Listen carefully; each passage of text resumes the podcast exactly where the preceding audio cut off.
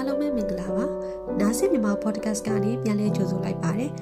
ဒီနေ့ဝင်မြပေးခြင်းတဲ့အကြောင်းအရာကတော့မြန်မာနိုင်ငံရဲ့ပေါ့နော်အခြေခံလူဒန်းစားမိသားစုကနေမွေးဖွားလာပြီးတော့လက်ရှိဘဝမှာဘယ်လမ်းကိုဆက်လျှောက်ရမှန်းမသိအောင်လမ်းပြောက်ဖူးတဲ့သူဒါမှမဟုတ်လမ်းပြောက်နေတယ်ဆိုလို့ရှိရင်အကျိုးတစ်ခုခု message တစ်ခုခုရလို့ရငါဒါကျမဝင်ပြပေးတာပါစိတ်သက်ခွန်အားပေးတဲ့စာမျိုးတော့မဟုတ်ပါဘူး ဒါဘာလို့လဲဆိုတော့တခါတလေမှာစိတ်သက်ခွန်အားပေးတဲ့စာတွေဖတ်တိုင်းပိုစိတ်မညစ်မိအောင်စ조사နေရတဲ့ဘဝတွေရှိပါတယ်အဲ့တော့သူတို့တွေအတွက်ရည်ရွယ်ပါတယ်ကျမကိုယ်တိုင်လည်းအရင်တော့ဆိုခဏခဏဖြစ်မှုပါတယ်ကိုလျှောက်လာတဲ့လမ်းကိုပြန်ကြည့်မယ်ဆိုရင်တချို့အရာတွေကစိတ်ချတဲ့စရာပဲမဲ့တော်တော်များများကတော့ဒီလိုပဲတရက်ပြီးတရက်ကုန်သွားတဲ့အဲငငယ်တော့ဆိုတော့ပြင်းစရာရက်တွေရှိကောင်းရှိမှာပေါ့နော်နောက်ပြီးတော့စိတ်ပင်ပန်းစရာတွေရှိတယ်ပေါ့တချို့ရေဆိုလဲဒါတနေ့တနေ့ဘဝမှာစားဖို့နေဖို့ဟို ကိုဘဝကိုမိသားစုကိုတစ်တောင်းတစ်တယ်ဖြစ်ဖို့ตาရည်နာရည်ကျမ်းမာရည်တွေအတွက်ငွေစုထားဖို့စားသဖြင့်နဲ့လဲပတ်နေကြရပါတယ်ရှေ့ဆက်သွားရမယ့်လမ်းကိုမျှော်တွေးမိတဲ့အခါမှာလဲခွေရေးတွေကနေတယ်ဒီထက်ပိုကောင်းပဲမျှော်လင့်ချက်ဆိုတာတိတ်မရှိပဲကို့မှာရှိပြီးသားလက်ရှိအခြေအနေလေးကိုပဲရင်းရိုက်မသွားအောင်ပေါ့နော်ထိန်းနေရတဲ့ပုံစံမျိုးဖြစ်နေကြရတဲ့ဘဝတွေမြန်မာနိုင်ငံမှာအများကြီးရှိပါတယ်ပေါ့နော် နောက်ပြီးလက်ရှိအလုံးမှာမပျော်တဲ့သူတွေရှိတယ်သူတို့တွေဆိုလည်းမပျော်ပေမဲ့အောင်အီးလုပ်နေရတယ်ဘာဖြစ်လို့လဲဆိုတော့ကိုယ်တိုင်ကိုပိုင်စီးပွားရေးလုပ်ဖို့ကလည်းအရင်ဒီကမရှိရှိတဲ့အရင်ဒီလေးနဲ့လုပ်တဲ့သူတွေကြတော့လေတကယ်တမ်းကျကိုထင်သလောက်ကိုပိုင်စီးပွားရေးဆိုတာလည်းမြန်မြန်အောင်မြင်ဖို့မလွယ်ပါဘူးဈေးကွက်မှာဝယ်သူထက်အခုဆိုရင်ရောင်းသူတွေကပိုများနေသလားလို့တောင်ထင်ရတဲ့စီးပွားရေးအခြေအနေတွေကြားမှာဒီဝန်ထမ်းဘဝကမှတော်ပါသေးလားဆိုပြီးတော့ပြန်တွေးပြီးပြီးအလုံးမထွက်နိုင်ကြပါဘူးအဲ့တော့အောင်မြင်နေတဲ့သူတွေကို တွားကြည့်လိုက်မယ်ဆိုရင်လည်းများသောအဖြစ်ကဘဝဘေးအခြေအနေတွေကောင်းပြီးသားအဲ့လိုလူတွေများနေတော့ကိုဘဝကိုဒါတိမ်ငယ်လာတာပေါ့နော်အထူးသဖြင့်ဆိုရှယ်မီဒီယာမှာအောင်မြင်ကြောင်းပြောပြနေတဲ့လူတွေနဲ့ကိုဘဝကိုရှင်းပြီးလိုက်လို့ရှိရင်တိမ်ငယ်လာတဲ့မျိုးတွေဖြစ်ကောင်းဖြစ်နိုင်တယ်ပေါ့လေအဲ့တော့ကိုဘဝကိုပြန်ကြည့်တဲ့အခါမှာကြတော့ဒီလိုအောင်မြင်နေတဲ့သူတွေထက်ကိုကပေပေမမပိုစူးစမ်းနေတာတောင်မှဟိုဂျာအေးသူ့အမေရိုက်တယ်လို့ပေါ့နော်ဘဝကလဲနေပြီးတော့တကယ်တမ်းမှာတိတိတတ်တာဘာမှတိုးတက်မလာတာမျိုးတွေဖြစ်နေတတ်ပါတယ် တကယ်တော့အဲ့ဒါကိုတေချာမြင်အောင်ကြည့်လိုက်ရင်တအိုးတယောက်တည်းဖြစ်နေတဲ့ကိစ္စတော့မဟုတ်ပါဘူး။ဘာဖြစ်လို့လဲဆိုတော့မြန်မာနိုင်ငံကအချို့သောလူလက်တန်းစားခြေခံလူတန်းစားလူတော်တော်များဖြစ်နေတဲ့ဘဝအခြေအနေလို့ဆိုရမှာပေါ့နော်။အထူးသဖြင့်တော့ဒီလက်ရှိဘဝထက်ပိုပြီးမြင့်မားတဲ့ဘဝကိုရောက်အောင်စူးစမ်းနေသူတွေရီမန်းချက်အပြည့်နဲ့ဒါစူးစမ်းခြင်းစိတ်ရှိတဲ့လူငယ်တွေအတွက်ဆိုရင်ဒါကရှောင်လွဲလို့ကိုမရတဲ့အခြေအနေတစ်ခုလို့ပြောရမှာပါ။ အဲ့တော့စူးစမ်းတာတွေရက်ပြီးစိတ်တက်တွေကြလာတဲ့သူတွေရှိတယ်တချို့ဆိုလဲငါလှုပ်လဲပမအမသိမထူးတာဆိုပြီးဘဝမှာအစဉ်ပြေသလိုလေးပီပီရောနေလိုက်ကြရင်ကောင်းမယ်ဆိုပြီးရေစုံပြောလိုက်ကြတာမျိုးတွေလည်းရှိကြတယ်ပေါ့နော်အဲ့တော့ကိုယ်တိုင်ကအဲ့လိုအခြေအနေမျိုးနဲ့ကြုံလာပြီဆိုလို့ရှိရင်ကိုယ့်ရဲ့စိတ်ဓာတ်ကိုဘယ်လိုပြန်တည်ထောင်မလဲဘယ်လိုပြန်မွေးမလဲအဲ့ဒါမျိုးလေးတွေအတွက်ကျွန်မကအကျိုးဖြစ်လို့ဖြစ်ကနီလန်းလေးတွေအကျိုးရှိစေမယ်လို့တော့ကျွန်မအာယုံကြည်ပါတယ်ဒါကြောင့်မို့လို့ တခြားလူတွေလည်းအသုံးပြုလို့ရအောင်ဝေမျှပေးလိုက်ပါတယ်အဲ့တော့ကိုကအဆင်ပြေတဲ့ကိုနဲ့ကိုက်ညီတဲ့ဒီလန်လေးတွေကိုအသုံးပြုလို့အသုံးပြုနိုင်ပါတယ်ပေါ့နော်အဲ့တော့နံပါတ်1ကတော့ကိုယုံကြည်ရာဘာသာတရားကိုလုပ်ဖို့ပါဘာဖြစ်လို့လဲဆိုရင်ဘာသာတရားကစိတ်ကိုအေးချမ်းတည်ငြိမ်စေပါတယ်လူဆိုတာကလေအဲစိတ်တည်ငြိမ်မှသာစဉ်းစားဆုံးဖြတ်နိုင်လာမှာပေါ့နော်အဲ့လိုပဲစဉ်းစားဆုံးဖြတ်နိုင်မှသာကိုကဘာတွေလုပ်ရမလဲဆိုတာကိုတည်တည်ချာချာဒါတွေးလို့ရမယ်မြင်လာမယ်ပေါ့နော် နောက်ပြီးတော့လူတွေရဲ့စိတ်ကလေဘလောက်ပဲတန်ပါပါတယ်ဘလောက်ပဲယက်တီနိုင်တဲ့တယောက်တည်းအဲ့လိုပြောနေပေမဲ့လေလူအများကိုဖော်မပြပေမဲ့ဒီအတွင်းစိတ်ထဲမှာမိခိုအားကိုးခြင်းတဲ့စိတ်ရှိပါတယ်အဲ့တော့ကိုယ်ပံဝေးခြင်းကလူတွေကကိုယ့်ကိုနားလည်းမပေးနိုင်တော့တဲ့အချိန်အားမပေးနိုင်တော့တဲ့အချိန်မှာဆိုလို့ရှိရင်ကိုယုံကြည်ရာဘာသာတရားကိုလုပ်နေတာဆူတောင်းနေတဲ့ဟာပါပေါ့နော်ဆူတောင်းပြည့်မပြည့်ဆိုတာထက်စိတ်ပိုင်းဆိုင်ရာအရာအားရှိသွားတယ်လို့ခံစားရစေနိုင်ပါတယ် ဒါကြောင့်မို့လို့ကိုကလမ်းပြောက်နေတယ်လို့ခံစားရတယ်ကိုပတ်ဝေးခြင်းမှာကိုကိုနားလည်ပေးနိုင်မဲ့သူမရှိတော့လို့ခံစားရတယ်မျောလေးချက်မဲ့နေတယ်စသဖြင့်ခံစားနေရပြီဆိုလို့ရှိရင်စိတ်လေနေတဲ့အချိန်ဒီမှာပို့ပြီးတော့ဘာသာတရားကိုလှုပ်ပေးပါကိုမလှုပ်ချင်ဘူးပေါ့နော်ဖြစ်နေပေမဲ့လည်းစိတ်ကိုဘာသာတရားဘက်ကိုရအောင်တွေးကြည့်ပေါ့နော်အဲ့ဒါလေးပါဒါတော့နံပါတ်1အချက်ပေါ့နော်နံပါတ်2အချက်အနေနဲ့ဆိုလို့ရှိရင်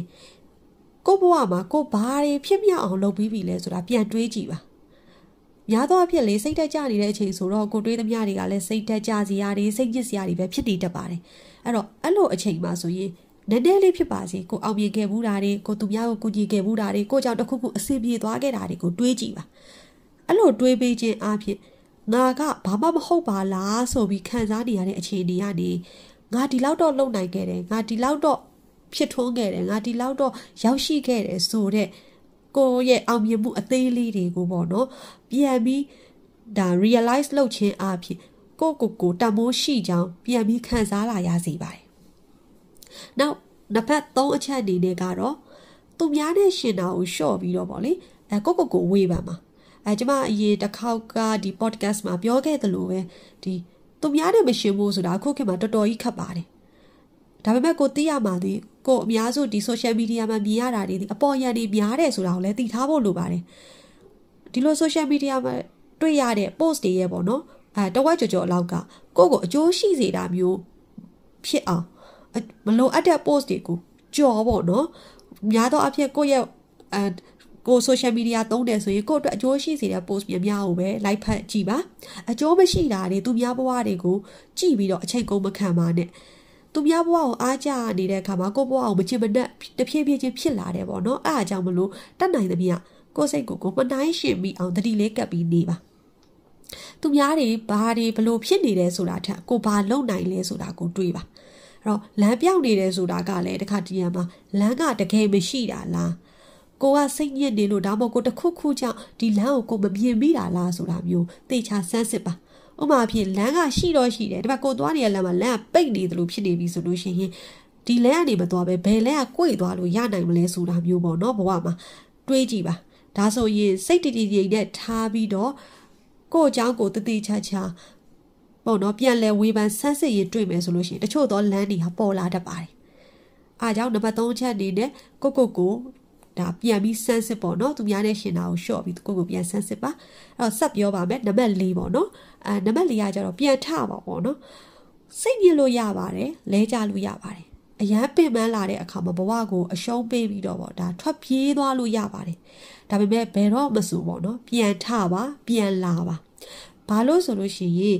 ကိုပြန်မထနိုင်လေလောကကြီးကလာကြည့်မှာမဟုတ်တယ်လို့လာထူမှာလည်းမဟုတ်ပါဘူးလာခေါ်မှာလည်းမဟုတ်ပါဘူးလူတိုင်းဒီသူ့အပူနဲ့သူပါအခုလိုခေတ်ကာလမှာပို့ပြီးအောင်ဆိုးပါသေးတယ်ပေါ့နော်ဘသူကမှဘသူ့ကိုကူညီနိုင်တဲ့အနေအထားကတော်တော်ကြီးကိုမရှိပါဘူးအဲ့တော့နောက်တစ်ခုကဘသူကမှလည်းဘသူကိုကူညီဖို့တာဝန်လည်းရှိနေတာမဟုတ်တော့အာကျမတို့နိုင်ငံလိုဆင်းရဲတဲ့နိုင်ငံမှာဆိုလို့ရှိရင်လူတိုင်းကသူ့ဘဝနဲ့သူအခက်အခဲအဆုံးရှိပါတယ်မဖော်ပြနေတော့မှလူတိုင်းမှာသူ့မှာကြော်လွှားနေရတဲ့အခက်အခဲတွေများစွာရှိတယ်ပေါ့လေ အဲ့တော့ကိုတယောက်နဲ့တယောက်ကူညီနိုင်မှုကနည်းပါတယ်အောင်မြင်နေတဲ့သူတွေရဲ့ယာကိုင်တော့ကလည်းအရန်ရန်နေပါတယ်ပြီးတော့သူအောင်မြင်အောင်ဘလို့နီးလက်တွေသုံးလာတယ်ဆိုတာလည်းထပ်ပြောရင်အများကြီးရှိအောင်ပါဆိုတော့ဒါလေးကိုတော့ခြံခဲ့ပါဒါကြောင့်အမြဲစိတ်ပြတ်နေလို့လဲထူးလာမှာမဟုတ်တလို့ကိုစိတ်ညစ်နေလို့လဲကိုဘယ်သူမှလာခေါ်ပြီးတော့လမ်းပြပြီးမဲ့လူရှိဖို့ဆိုမလွယ်ပါဘူးအဲ့ဒါကြောင့်မလို့ကိုယ့်ဘာသာကိုပြန်ထားပြီးစူးစမ်းပါစူးစမ်းနေပြန်လဲကျသွားနိုင်ပါလဲကျပါစေပြန်ထပါ လဲကြပြီးပြန်မထတဲ့သူနဲ့လဲကြပြီးပြန်ထတဲ့သူရဲ့ကြွားချချက်ကတော့ဒါကိုကိုကိုတန်ဖိုးထားခြင်းပါပဲကိုဘေးမှာဘာမှမရှိတော့ရင်တော့ကိုကိုကိုတန်ဖိုးထားကြည့်ပါကိုအချိန်ချင်းပေါ့နော်လဲကြတိုင်းပြန်ထရင်းနဲ့ငါဘလို့လဲမကြအောင်နေရမလဲဆိုတဲ့ဒီလက်တွေကိုကိုယ်တိုင်တွေ့ရှိလာတဲ့အခါကိုကိုကိုပေါ့နော်ပေါ်ပြီးငါဒါတွေသိလာပါလားဆိုတဲ့ဟိုစိတ်ကျဉ်တတ်မှုကိုပေါ့နော်ခံစားသိရှိသွားပြီးတော့ ပို့ပြီးတော့လဲကိုဘွားမှာလမ်းတွေတွေ့လာလိမ့်မယ်အခွင့်အရေးတွေကိုပို့ပြီးလာလိမ့်မယ်ကိုဘာသာကိုလုပ်ရင်းနဲ့ကိုကိုတိုင်းကလည်းစိတ်ပိုင်းဆိုင်ရာရုပ်ပိုင်းဆိုင်ရာအရာပို့ပြီး strong ဖြစ်လာမှာပါအဲ့တော့ဒီဒီလန်လေးလေးချက်ပေါ့နော်ပထမတစ်ချက်ကဘာသာတရားလုပ်ဖို့ပေါ့နော်စိတ်တည်ကြအောင်နံပါတ်2ကကြတော့ကိုဘွားမှာကိုဘာတွေဖြစ်မြောက်အောင်လုပ်ပြီးပြီလဲဆိုတာပြန်တွေးဖို့နံပါတ်3ကကြတော့သူများနဲ့ရှင်တာလျှော့ပြီးတော့ကိုကိုကိုဝေဖန်ဖို့နံပါတ်4ကကြတော့လဲကြရင်ပြန်ထဖို့ပေါ့အဲ့ဒီ၄ချက်ကို လောက်ကြည့်ပါအဲ့ဒီလေးချက်သည်ကိုဘဝအတွက်ကိုစိတ်တက်ကြနေတဲ့အချိန်မှာတခုခုအကျိုးရှိစေမယ်လို့အဲကျမကတော့ယုံကြည်ပါတယ်ဒါကြောင့်မို့လို့လဲအားလုံးကိုကျမရဲ့အတွင်းမြင်လေးတွေကိုဒါဝေမျှပေးလိုက်ပါတယ်တကယ်လို့အဲအတွင်းမြင်မတူတာလေးတွေရှိတယ်တခုခုဆိုလို့ရှိရင်ပြောပြခြင်းတယ်ဆိုလို့ရှိရင်လည်းနားဆင်မြန်မာ podcast ကိုဆက်သွယ်လို့ရပါတယ်ဒါမှမဟုတ် comment မှာရေးထားပေးခဲ့နိုင်ပါတယ်အားလုံးကိုကျေးဇူးအများကြီးတင်ပါတယ်ရှင်